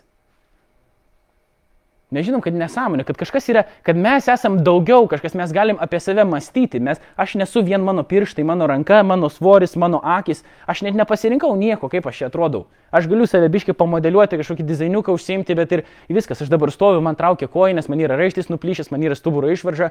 Jau jeigu aš esu tik tais tiek, kiek mano kūnas čia yra, tai aš toks esu jau normaliai pagėdęs, sakykim. Aš nežinau, ar mano žmonai reikia tokio vien tik su robotuko, kuris yra jau sugedęs ne vienoje vietoje. Bet krikščionybė sako, ne, mes esam daugiau negu mūsų kūnas. Taip, mes, mūsų kūnas yra integrali to, kas mes esam dalis, bet kai numiršta, mes nesibaigiam, nes yra tokia dalyka kaip dvasia, kaip siela. Ir jinai toliau egzistuoja. Ir galiausiai krikščionybė čia nesibaigia. Krikščionybės tikslas nėra, arba krikščionių tikslas ir galutinė viltis nėra išskristi kažkur uh, ant debesies ir su tuo deduku su barzda ten linguoti kažkokią formą. Ir plaikstytis ten tais, mėtyti kaip vatą tą debesėlį ir, ten, ir tada žiūrėti į apačią, kaip mes visi čia kažką darom ir mes ten mojuojam jiems, o jie mojuoja mums ir mes visi, mes nepatenkinti ir laukiam, kol ant to debesėlio skrisim. Čia yra karikatūros, kurios nemažai ką sako nemažai žmonių sako tai apie krikščionybę. Krikščionybės viltis galiausiai yra tai, kad mes gausim pašlovintą kūną, kad mūsų siela apsivilks to nemarių drabužių iš naujo, kaip Jėzus Kristus parodė savo prisikėlime. Čia gal nauja ir kai kuriem krikščionim yra, bet čia yra galutinė krikščionių viltis, kad mes gausim pašlovintą naują kūną ir gyvensim kartu su Dievu visą amžinybę ir mes galėsim su juo gyventi, nes mūsų kūnas bus netoks kaip dabar. Mūsų toks kūnas negali prie Dievo prieiti. Netokia būtis. Dievas išdegintų mūsų tą visą mėsinės akis, mes griūtumėm nuo jo šlovės, nes jis yra visiškai kitoks. Mums reikia kitokiems būti, kad mes galėtum prie jo prieiti. Ir Dievas tai padaro pats per savo šventą dvasę, bet čia jau kalbėsite apie tai per kitus susitikimus. Tai krikščionybė atsako šitos klausimus tapatybės, kilmės, prasmės, moralės ir likimo, mano supratimu, geriausiai iš visų pasaulyje žiūrų. Tai čia yra tik vienas būdas, kaip galima tikrinti pasaulyje žiūras. Nes jūs dabar galite tiesiog, jeigu jums neįtikina tai, ką aš kalbu šiandien, Jūs galite pamastyti apie tos klausimus, o kaip jūs atsakytumėt juos? Kaip, jūs, kaip jūsų manimų, kas jūs tokie esat, iš kur viskas atsirado, ar yra geris ir blogis ir kaip suprasti, kokia yra gyvenimo prasme ir yra gyvenimas po mirties. Ir aš sakau ne tai, kad aš išmaščiau ir aš žinau, Ne, aš galiu kažką protų savo pasiekti, bet dėl to, kad aš pasitikiu šventųjų raštų, bet labiausiai aš pasitikiu Jėzum Kristum, kuris yra tas man gyvybės davėjas, kuris atėjo ir man pasakė. Tai aš tiesiog, mane dažnai, nu ne dažnai, bet vadina kartais arogantiškai, iš kur tu žinai. Toks arogantiškas, lygiai aš pats būčiau sugalvojęs. Sakau, nežinau. Jėzus žino. Aš tikiu, ką jis pasakė. Viskas. Tai kur čia ta mano arogancija yra? Aš gal būnu arogantiškas, kai aš bandau tai pasakyti kažkuriais ir aš galiu to netmesti, bet čia nėra arogancija. Jokių būdų. Jeigu tai yra teisybė, tai kokia čia arogancija? Nebent aš klystu. Bet klystu tada ne aš, o klysta Jėzus. Tai irgi su juo reikia aiškintis šitoje situacijoje. Tai kiekviena pasaulyje žiūra, kokia jinai bebūtų, turi atsakyti šitos klausimus. Bet dabar kur yra tiesa? Tie klausimai tada e, yra nereikalingi atsakymai, jeigu mums nerūpi tiesa. Jeigu mums nerūpi sužinot, kaip yra. Ir ta tiesa krikščionybės yra kitokia negu paprasta bet kokia tiesa apie pasaulį. Pavyzdžiui, aš rašiau irgi tokį darbą universitetui dabar apie sarkazmo naudojimą krikščioniškoje apologetikoje. Tai yra, kai tu bandai įtikinti kažką, kad krikščionybė yra tiesa ir leistina yra naudoti sarkazmą kokiais būdais. Ir kalbėjau apie tiesą irgi e, tame darbe ir man dėstytoja davė tokią pastabą, sakydama, kad tau reikėtų išgrininti, apie kokią tiesą yra kalbama. Nes sako, pavyzdžiui, jeigu tu skelbi kažkokią tiesą, ne, krikščionybė yra, nori skelbti tiesą, tai yra Jėzų Kristų, mes pačioj pabaigoje dabar to, prie to prieinam. Sako, čia yra kitokia tiesa, negu kad tu bėgtum aplink, nu dabar imkim Kauną, Kauno gatvėmis lakstyčiau ir sakyčiau, tu žinai, Richardo pavardė yra brogys. Richard, ein, Richard, visiems bėgčiau, Richardo pavardė yra brogys. Girdėjai, Rich, Richardo pavardė brogys. Mokite kitokį ne mokite dėstyto kitokį pavyzdį, jis sakė, kad žemė yra, sakykime, apvali. Ten jeigu visiems bėgtum ir sakytum, žemė yra apvali, nu, gerai, ko tu nori nuo manęs, nu, ta, nie, nieko tas nekeičia mano gyvenime kokios formos ta žemė arba kokia Richardo yra pavardė. Nebent e, tai būtų Richardo žmona, kuriai tu brogys, tai kokia, nu vien žodžiu, tada jai gali būti problemų kažkokių, bet manęs tai asmeniškai niekaip neveikia. Krikščionybės tiesa yra ne šiaip kažkokia tiesa, yra Dievas ir tas Dievas yra apsireiškęs Jėzuje Kristuje. Ačiū, gerai, aš šito tikiu, sėkmės, dabar aš, nu, ką reiškia tikiu, tiesiog sakau, tebūnie taip, kaip tu sakai, atstok nuo manęs, aš turiu dar kitokių visokių vyrukų, vieni su juodais kostiumais vaikšto, kiti su tokiam kelniam iki čia ir dainuoja ir visi man duoda kažkokį knygutį ir man duoda paaiškinti, kaip yra arba kaip nėra. Aš noriu eiti tik namo ir pavalgyti ir patapti McDonald'u. Tai ta tiesa yra visiškai kitokia. Krikščionybės tiesa nėra tiesiog kažkas, kažkoks teiginys, kuris atitinka realybę. Ir čia jau reikia atsiminti tokį dalyką, kad nors aš sakau krikščionybės tiesa, tiesa nėra toks dalykas, kad pat mano tiesa ir tavo tiesa. Reiškia, tu turi savo tiesą, o aš turiu savo tiesą. Ir mes visi turim savo tiesas ir visi labai smagiai gyvenam. Akivaizdu, kad taip nėra, nes tas dalykas, jeigu mano tiesa, tai yra tai, ką aš sakau, atitinka realybę, tai yra tiesa, jeigu netitinka, tai nėra tiesa. Tai, ką aš sakau, yra pirmiausia mano nuomonė. Mano nuomonė gali būti klaidinga arba teisinga. Bet tai, ką aš sakau, nebūtinai yra tiesa. Nors ką dabar sakau, tai tiesa, bet uh, šiaip. Suprantat, ką aš noriu pasakyti? Dabar jau ne. Galėsit peržiūrėti vaizdo įrašą. 3 valandų trukmės. Ir tai krikščionybės tiesa yra susiję su mūsų tiek dabartiniu gyvenimu, tiek amžinuoju gyvenimu. Tai nėra tai taip pat kaip neižyčiant Richardo, kokia jo yra pavardė. Mums gali visiškai nerūpėti. Galima pažinoti Richardą, galima nežinoti jo pavardės. Tai mūsų gyvenimo absoliučiai gali nekeisti. Tai ta tiesa, kurią skelbia krikščionybė, skelbia, kad yra tiesa visiems žmonėms, nes jisai yra toks dalykas, jeigu tai yra tiesa, tai yra tiesa visiems. Jėzus pasakė, aš esu tiesa kelias ir gyvenimas. Tai jis nėra tiesa tik man, jeigu jis yra tiesa, jis yra tiesa ir Andriui, ir Richardui, ir Liudai, ir kam nori, ir Dovydui, ir ypatingai Patrikui.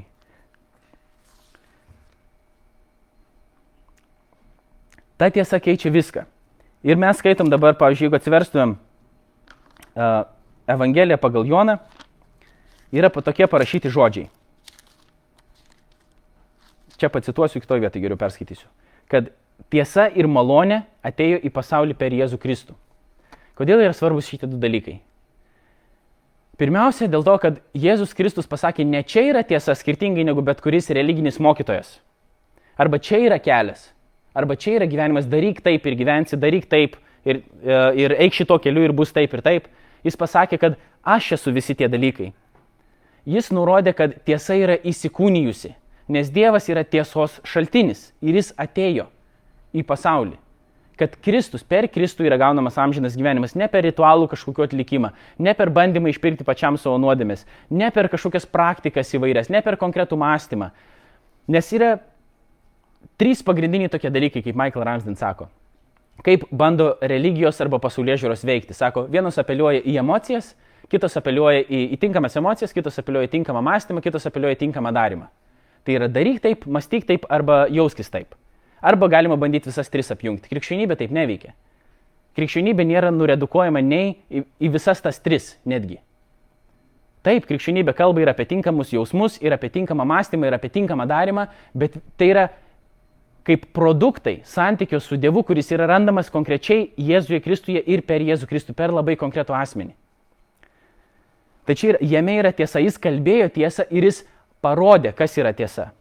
Bet atėjo malonė į šitą pasaulį. Čia vat, yra labai svarbus dalykas, kas yra susijęs su tiesa ir šito šių dalykų užbaigsiu dabar.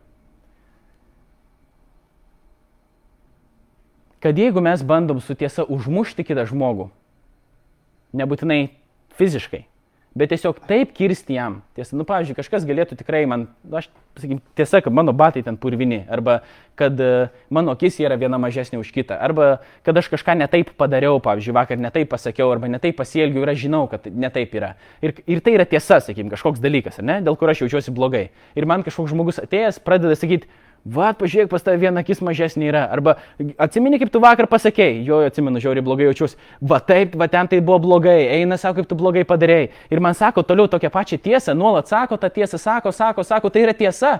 Bet jis mane žudo tą tiesą, aš jau senai žinau, nebereikia, ačiū, viskas, tvarko, aš dabar galiu mirti nuo tos tavo tiesos. Tai, tai yra tiesa, aš viską suprantu. Dabar krikščionybės tiesa yra kitokia, jinai duoda gyvybę. Dėl to, kad Jėzus Kristus mirė už mano nuodėmę, Aš galiu gyventi kartu su Dievu dėl to, ką Jis dėl manęs padarė ir dėl to tą tiesą nori įskelbti krikščionim. Kodėl krikščionis nori dabar visiems pasakoti apie tą Jėzų Kristų? Dėl to, kad aš tikiu, kad kiekvienas iš jūsų esat mylimas Dievo kūrinys ir gali tapti Dievo vaiku ir matyti Dievą amžinybį ir mirtis nėra jums pabaiga ir galit mylėti Dievą, būti Dievo mylimi, priimti jo meilę ir dalintis tą meilę su kitais žmonėmis. Ir mes gyvenam netobulam pasaulyje ir mes nesam patys tobuli, vildamėsi, kad Dievas toliau vinioja mumis iš tų nuodėmių mes galim būti arčiau jų, e, prie jo, galim mylėti geriau ir panašiai. Bet ta tiesa yra išlaisvinti. Taip pat Jėzus sako, kad, ne, Jonas rašo, kad jūs pažinsite tiesą ir tiesa padarys jūs laisvus. Ne, Jėzus čia sako, bet Jonas rašo. Jūs tapsite mano mokiniais ir pažinsite tiesą ir tiesa padarys jūs laisvus. Čia sako Jėzus. O pažinsite tiesą tai ne kažkokį rinkinį teiginių, bet sako, mane pažinsite. Ir tai padarys jūs laisvus. Malonė. Malonė labai stipriai skiriasi nuo gailestingumo. Angliškai yra tokie, teigi, tokie žodžiai grace ir mercy. Kartai žmonės jūs painioja. Gailestingumas yra tai, kad tu esi kažką prisidirbęs ir tau atleidžia tai. Tu negauni bausmės. Pavyzdžiui, esi kalėjime, prezidentė gali parodyti tau gailestingumą, gali parašyti konkretų popierių ir tau atleisti tą bausmę. Tu nieko negausi bonusų, jokio pliusų, bet tu negausi tos bausmės pilnos, kiek tu nusipelnėjai. Bet tai nėra malonė. Malonė yra, kai tu ne tik negauni bausmės, kurios tu nusipelniai, bet dar gauni viršaus dovaną. Įsivaizduojat, kad jeigu pasodina į kalėjimą už tai, kad tu pridirbai nesąmonę, tave ne tik pakviečia iš kalėjimo, sako, tu esi išleistas, duoda darbą, duoda pinigų ir pats prezidentas tada sako, tą popierį parašęs, ateik pas mane, ateik, ateik pabūk, apkabina, pasikviečia kartu į savo, savo namus gyventi, kartu būnus, ką tu čia darai, kažkaip per nesąmonę. Sako, aš tau malonę rodau. Ir tada žmogus gali sakyti, aš nenoriu tokios malonės, man užtenka gailestingumo, nenubauski viskas, aš nenoriu malonės. Bet malonė atėjo per Jėzų Kristų ir būtent Dievas taip ir kalba, krikščionybės supratimu, kad mes buvom nusipelnę Dievo bausmės dėl to, kad mes visi esam prisidirbę savo gyvenime. Man užtenka apie savo šiandien dieną pagalvoti, aš jau žinau, kad aš nepasiekiau kažkokio standarto, to, kurį aš turėjau pasiekti. Ne visai taip elgiausi, ne visai taip mačiau, ne visai taip gyvenau. Ir kadangi Dievas yra šventas, mes nusipelnom Dievo bausmės. Tai reiškia, mes negalim ateiti ir matyti Dievo veids veidą, nes mes esam susitepę. Mūsų batai yra purvini, mes negalim ateiti pas prezidentę, va taip kaip aš apsirengęs toks. Turime apsipuošti, pasirengti ir visą kitą. Bet Dievas, o kaip ta prezidentė ne tik atleidžia raštą, duoda atleidimo paleidimo raštą, sako, ateik pas mane. Nereik tau ieškoti jokio kito kostiumo, nereik tau pačiam apsiprausti, tu net nenusiplausi tiek, kiek reikia pas mane ateiti. Bet aš tave nuplausiu, aš tau viską duosiu, kas yra reikalinga ir čia jie, per Jėzų Kristų atėjo malonė, kad jis numirė už mūsų nuodėmę, nuplovė savo kraujų, prisikėlė, parodydamas, kad tai yra tiesa. Ir tai priimdami mes gaunam malonę, ne tik gailestingumą, bet malonę gyventi su Dievu. Ir ka, kokie mes būtumėm kvaili, jeigu mes nenorėtumėm gyventi su Dievu visam žinybį. Jeigu jis yra, nu paaiškinkit man dabar paprastą dalyką, dabar jau emocijos šiek tiek kalba, bet kai žmonės sako, aš tikiu, kad Dievas yra, ir aš jam sakau, kad Dievą galima pažinti, sako, aš tikiu, kad Dievą galima pažinti, tai sakau, tai kodėl tu nenori gyventi su Dievu? Ai, čia tas, čia anas ir žmogau, bet aš buvau lygiai tokia pačioj situacijoje ir dar kartais taip pat būnu, galvoju, kad man geriau yra pačiam negu su Dievu gyventi. Bet pasaulio kuriejas, visatos kuriejas, meilės šaltinis, teisingumo, tiesos, gėrio, sako, tu gali būti su manim ir tau nieko nereikia dėl to padaryti, aš tave visą nuprausiu, aprengsiu, paimsiu pas save, ateik ir gyvenk su manim visam žinybę. Sakau, ačiū, nereik, aš pats. Bet krikščionybė apie tai kalba, kad tiesa kad Jėzus Kristus yra tiesa. Visa tai, kas, jeigu aš netikėčiau, kad krikščionybė yra tiesa, manęs čia nebūtų. Ir, ir tiesos ne, neišvengia nei vienas. Klausimas tik yra, kas yra tiesa ir kaip tai galim patikrinti. Ir apie, mes, apie tai mes šiandien šiek tiek kalbėjom. Bet kad tiesa niekur nesibaigia. Šitoje vietoje tiesiog ties tiesa. Yra malonė, kurie atėjo irgi per Jėzų Kristų ir krikščionys yra raginami mylėti visus žmonės, jiem tarnauti ir skelbti šitą žinę, kuri yra vadinama Evangelija arba gerąją naujieną, bet nedaryti to piktai, nekalti su Biblija per galvą, nežudyti žmonių, kad kažkas prikištų inkviziciją.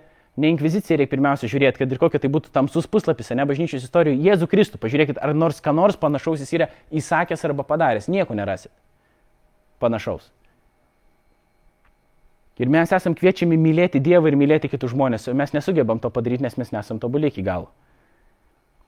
Ir dėl to yra svarbu malonė ir meilė. Ir apie tą meilę, ir ne tik apie tą tiesą, jūs tikriausiai pakalbėsite ir daugiau per visus šitos susitikimus ir susirinkimus. Atsiprašau, kad aš jūsų labai daug laiko užėmiau čia, bet kadangi buvo nurodyta mm, Facebook'o renginiai, kad čia viskas turi trukti iki 8.30, tai mes dar valandą turim.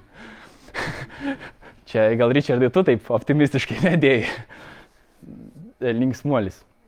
Gerai, kadangi jums dabar, e, kadangi jūs tikrai visi gėdysitės išeiti labai taip greitai, dėl to aš išnaudosiu tai, kad jūs esat įkalinti šitoj vietoj ir va, už, užstoms taip pat duris ir neleis išeiti iš vis niekam. Noriu, kad mes galėtum paskirti kažkiek laiko klausimams, jeigu jūs tų klausimų turit, kažkas rašė lyg ir ant lapelių, gal niekas nerašė, aš nežinau, nes uh, būna kartais žmonės nori paklausti klausimų, kartais nedrįsta, kartais nenori. Tai aš nenoriu sugaišinti daug jūsų laiko, tikrai jeigu nebus jokių klausimų, paleisim visus namo, niekas čia nieko ne, nedarys, jeigu norit grįžti namo, jeigu norėsit parašyti žinutę, galite taip pat tai padaryti. apologetika.lt yra toks tinklapis, kurį aš kūruoju, ne tik tinklapis, bet Facebook profilis ir YouTube kanalas, kur yra daug panašios informacijos ir diskusijų su kitaminčiais, sakykime taip, kur, kur vyksta civilizuotos diskusijos su tais, kurie mano kitaip. Ir bandom įsiaiškinti tiesą, kaip Sokratas, kad pasakė, uh, lyg ir kad ginčas nėra skirtas, kad viena pusė nugalėtų ar diskusija. Ginčas yra diskusija skirta tam, kad tiesa išryškėtų per tą pokalbį, per šitą diskusiją. Ir kadangi krikščionis turi būti tiesos žmonės, aš nebijau ir krikščionis neturi bijoti diskusijų, nes jeigu Jėzus Kristus yra tiesa, galiausiai jis išryškės kažkokiu būdu, jeigu jinai teisingai veikia. Tai jeigu turit kokį nors klausimų, galit pabandyti tada dabar paklausti, aš savo ribotom žiniom ir ribotais gyvėjimais pabandysiu atsakyti. O, o jeigu ne, tai tiesiog tie, kas nori, galima asmeniškai dar pasilikti šiek tiek pabendrauti, nes man traukinys dar tik už pusantros valandos. Tai aš dar galiu pamūti čia Kaune.